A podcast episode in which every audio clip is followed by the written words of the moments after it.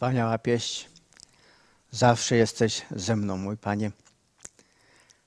Na początku minionego roku dużo par zaplanowało swoje wesela.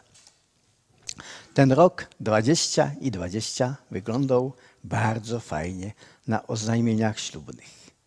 Przyznam się Wam, umiłowani w Panu, bracia i siostry, że bałem się wraz z młodymi, aby im wyszło.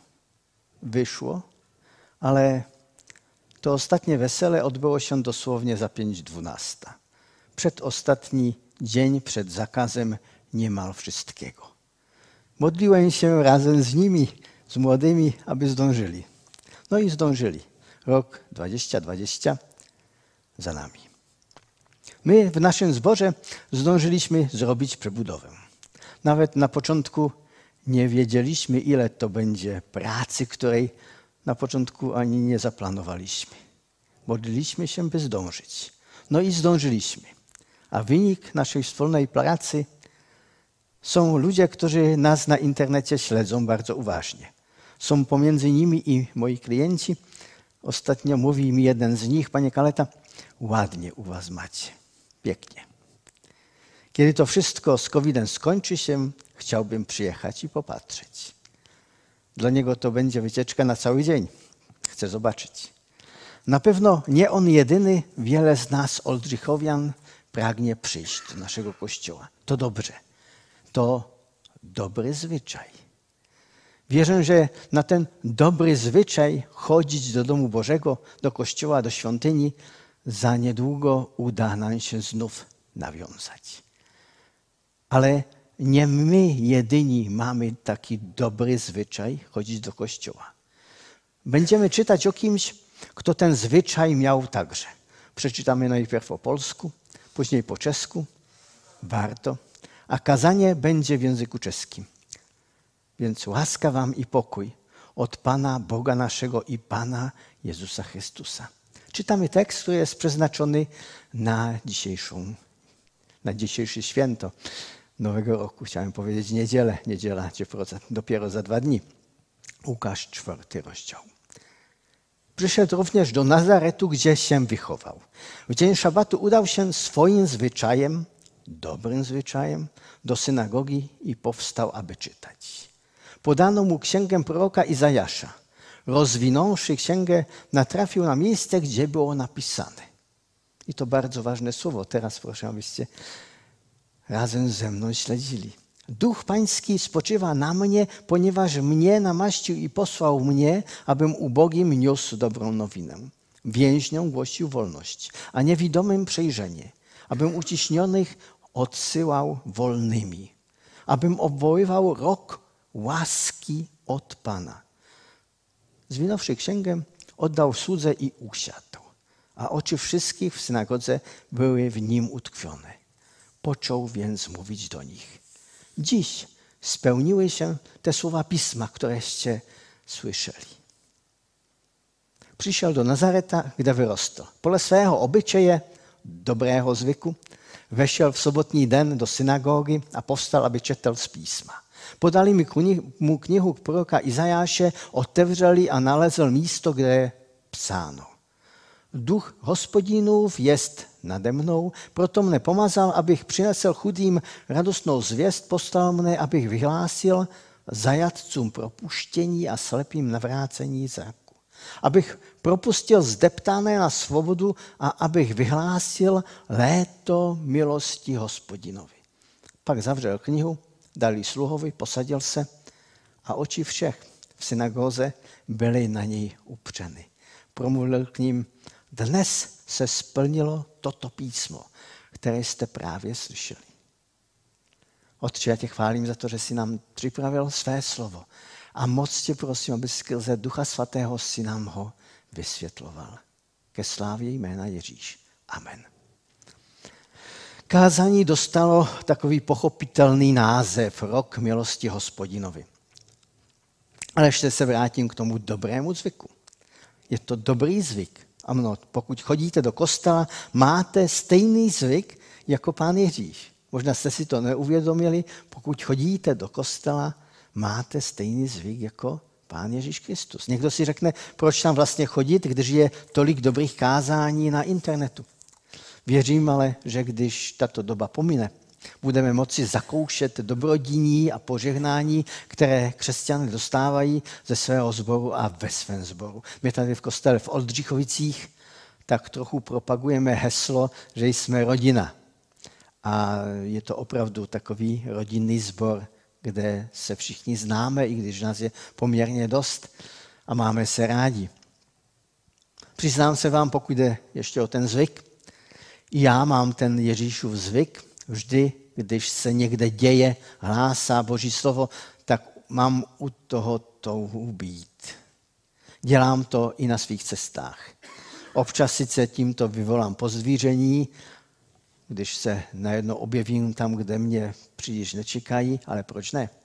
Před lety jsem takto přišel do jednoho sboru, nikdo mě tam neznal, vše bylo v pořádku do momentu, kdy na této biblické hodině biblická hodina to byla, vedoucí řekl, kdo má nějaké slovo od pána, a něco řekne. Tož jsem vstal.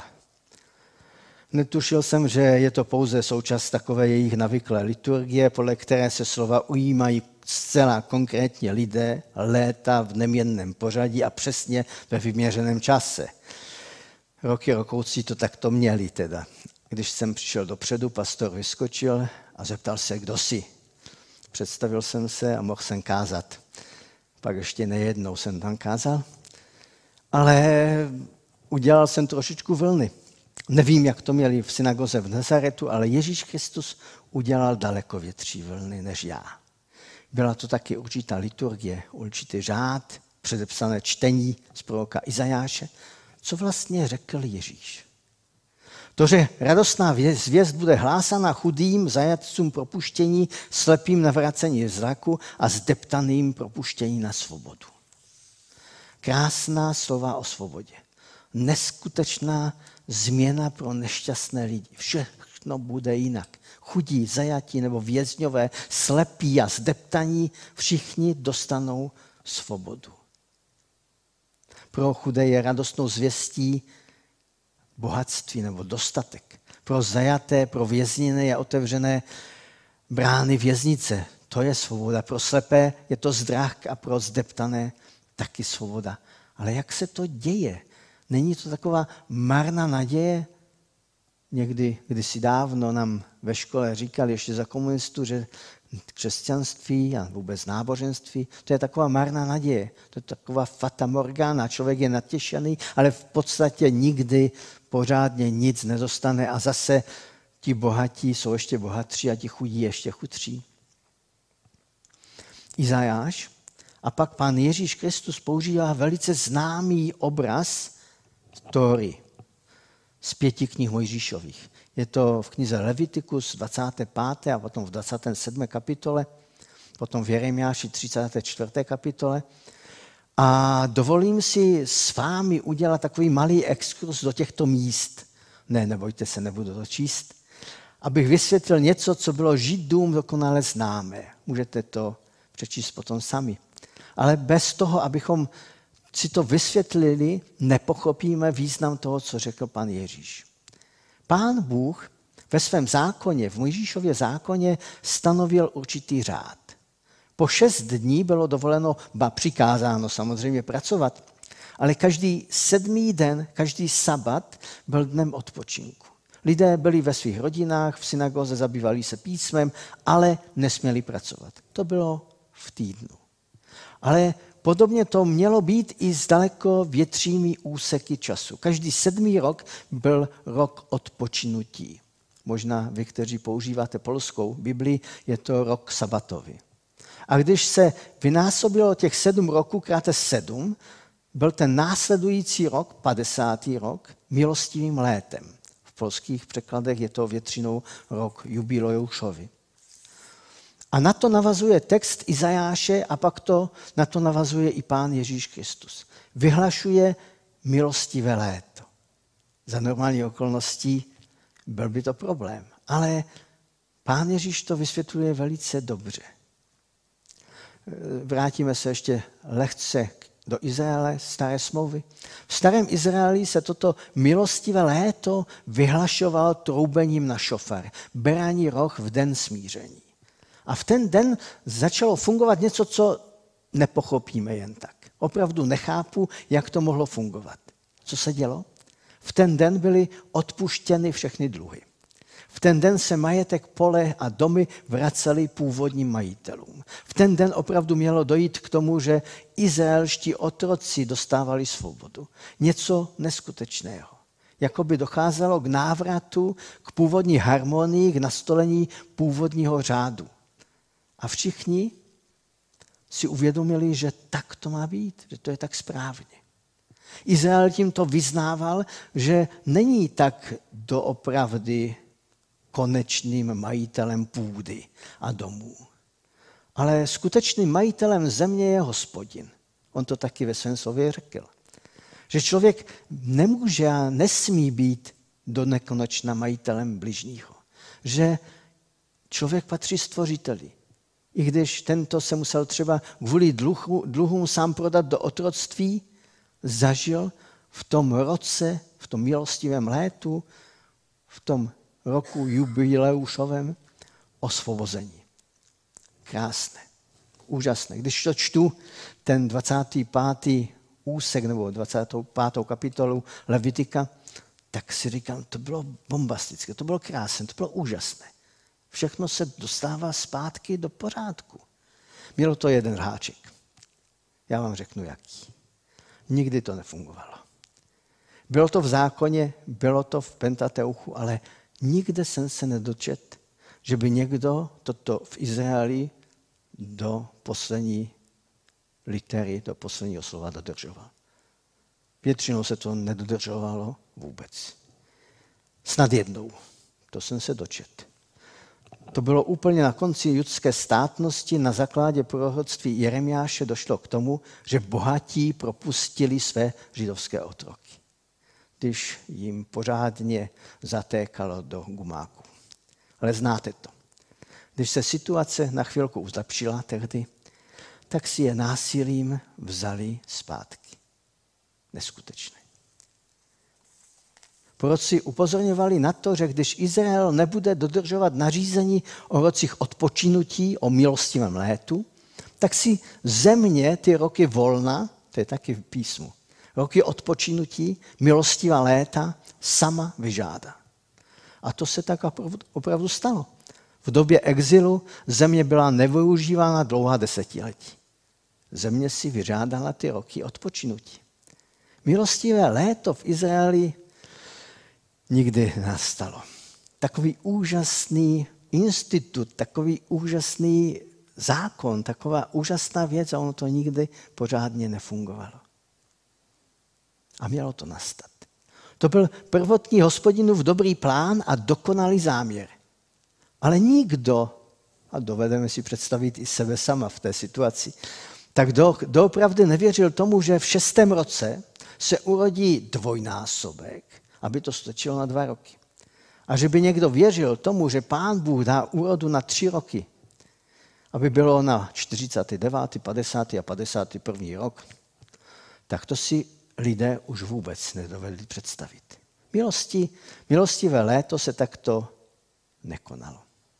Na to by rádi navázali vatikánské svaté roky, takzvané svaté roky, které se touto izraelskou praxí od roku 1300 inspirovaly. Ty svaté roky nejsou každých 50 let, ale byly hlavně z důvodu ryze ekonomických vyhlašovány mnohem častěji. Lidé přicházeli a dávali. Měly být každých 25 let ale za posledních několik málo desítek let to byly snad, byla ta snad desítka nebo více svatých roků. A nezdá se mi, že by se dělo to, co prorokoval pán Ježíš. Situace chudých, vězněných, slepých, zdeptaných se nějak za ty roky radikálně nezlepšila. Tu nezlepšilo ani vyhlášení odpustků pro ty, kteří se toto, tohoto zúčastnili. Ten náš pojem rok odpočinutí a taky rok sabatový, sabatní rok, se dostal i do pracovní sféry, možná jste se s tím setkali. Pokud máš prosperujícího a přejícného zaměstnavatele, tak můžeš dostat sabatikal, rak, rok na odpočinek, na nové nápady a studium. Neděje se to, ale ani každý sedmý, ani 50. rok většina zaměstnavatelů není tak osvícená, Možná byste to mohli po novém roce zkusit v třineckých železárnách. Já bych to mohl zkusit u své manželky Janky, možná by to zabralo, ale většinou eh, se toho dožijeme kolem 70, když jdeme do důchodu. Možná zaměstnavatelé to mají podobně jak Izraelité. Nevěří tomu, že se jim vyplatí pustit zaměstnance na rok. Nevěří, že takto odpočatí lidé přinesou do firmy nové nápady a potažmo prosperitu.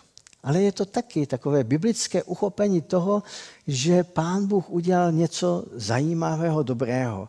Tak jednou za čas dát člověku volno, aby, aby něco posunul dál, není vůbec špatné. Navíc to je do jisté míry boží nařízení nebo boží, boží nápad, boží inspirace. Vraťme se k roku milosti hospodinovi. Ano, je to rok, který vyhlásil sám Pán Ježíš Kristus. Léto boží přízně, čili pro chudé radostná zvěst, pro zajatce vězně propuštění, pro slepé navrácení zraku, pro zdeptané svoboda.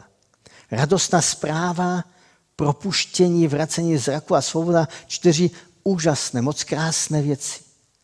Léto milosti odkazuje na to, že opravdu nikdo z těch čtyř skupin ani si na tu změnu svého postavení nezasloužil, nevybojoval, všichni je dostali darem. Podobně jako ve starém historickém Izraeli v milostivém létu. Nikdo si nezasloužil propuštění z otroctví. Nikdo se nemusel ba ani nemohl vykoupit sám z otroctví. Jak se otrok může sám vykoupit? Nikdo nemusel vyplatit svoji půdu a svůj dům došlo k narovnání, k restituci do původního stavu. Tím Kristovým vyhlášením věčného milostivého léta v Nazaretu došlo díky tomu, že Pán Ježíš Kristus za toto vše, svobodu, zrak, dobrou zprávu, zaplatil. Nic jsme za to milostivé léto, už v samém návzu je ta milost, jsme nemohli dát jako protihodnotu. Ale spolu s Izajášem přijímáme neinformaci, ale výnos, právo, rozhodnutí soudu, takovéto vyhlášení ve věčné sbírce zákonů, že teď budu citovat přímo z Izajáše, z 61. kapitoly. Duch panovníka hospodina je nade mnou. Hospodin mě pomazal k tomu, abych hnesl radostnou zvěst pokorným. Pan Ježíš říká chudým.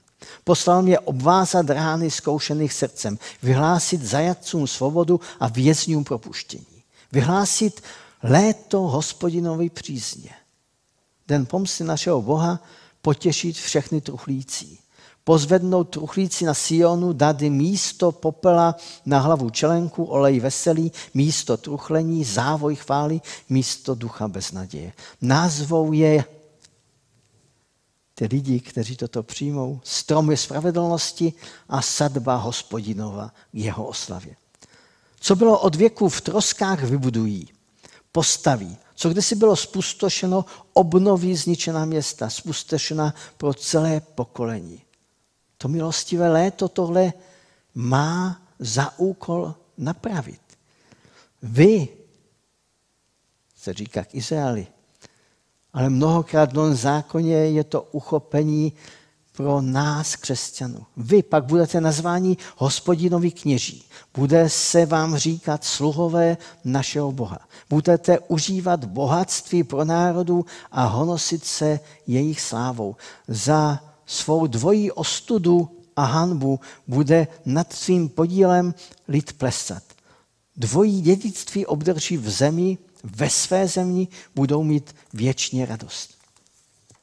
Tento text v Izajášovi jde totiž dál. Je to zaslíbení toho, že nejen, že se nám dostává v Pánu Ježíši Kristu propuštění z otroctví hříchů, vracení duchovního zraku a opravdové svobody. Dostáváme insignie, znaky, znamení královských dětí. Koruna, královské pomázání olejem, oblek chvály a kněžský a královský titul. Je to tam na hlavu čelenku, olej veselý místo truchlení, závoj chvály místo ducha beznaděje. Budete nazvání hospodinoví kněží. Bude se vám říkat sluhové našeho Boha. Krása. Neumím si představit nic víc. Prostě neexistuje lepší odměna, lepší věc. Zaslíbení lepšího života. Náš Pán Ježíš Kristus vyhlásil v Nazaretu léto hospodinovi přízně. Milostivé léto. V Ježíši Kristu máme jak opravdovou svobodu, tak opravdové bohatství. Střih. Jaký byl pro vás rok 2020? To řekneme. Náročný, jiný, divný. Nejraději bych ho vymazal, byl zavírovaný. To je jedna věc. Tak to možná někdo bude hodnotit rok 2020. Ale je tady slovo, které mluví něco jiného. Podle našeho dnešního textu, podle toho, co řekl Pán Ježíš Kristus pro svoje děti. Bylo to tak i tak milostivé léto. Bylo to léto, byl to rok hospodinový přízně. Přízně, která začala v Betlemě, která pokračovala tři desítky let v Izraeli. Byla, a my jsme to četli, vyhlášena v Nazaretu. A pak se stala skutečností vítězstvím na Golgotě a ve, ve zmrtvých stání.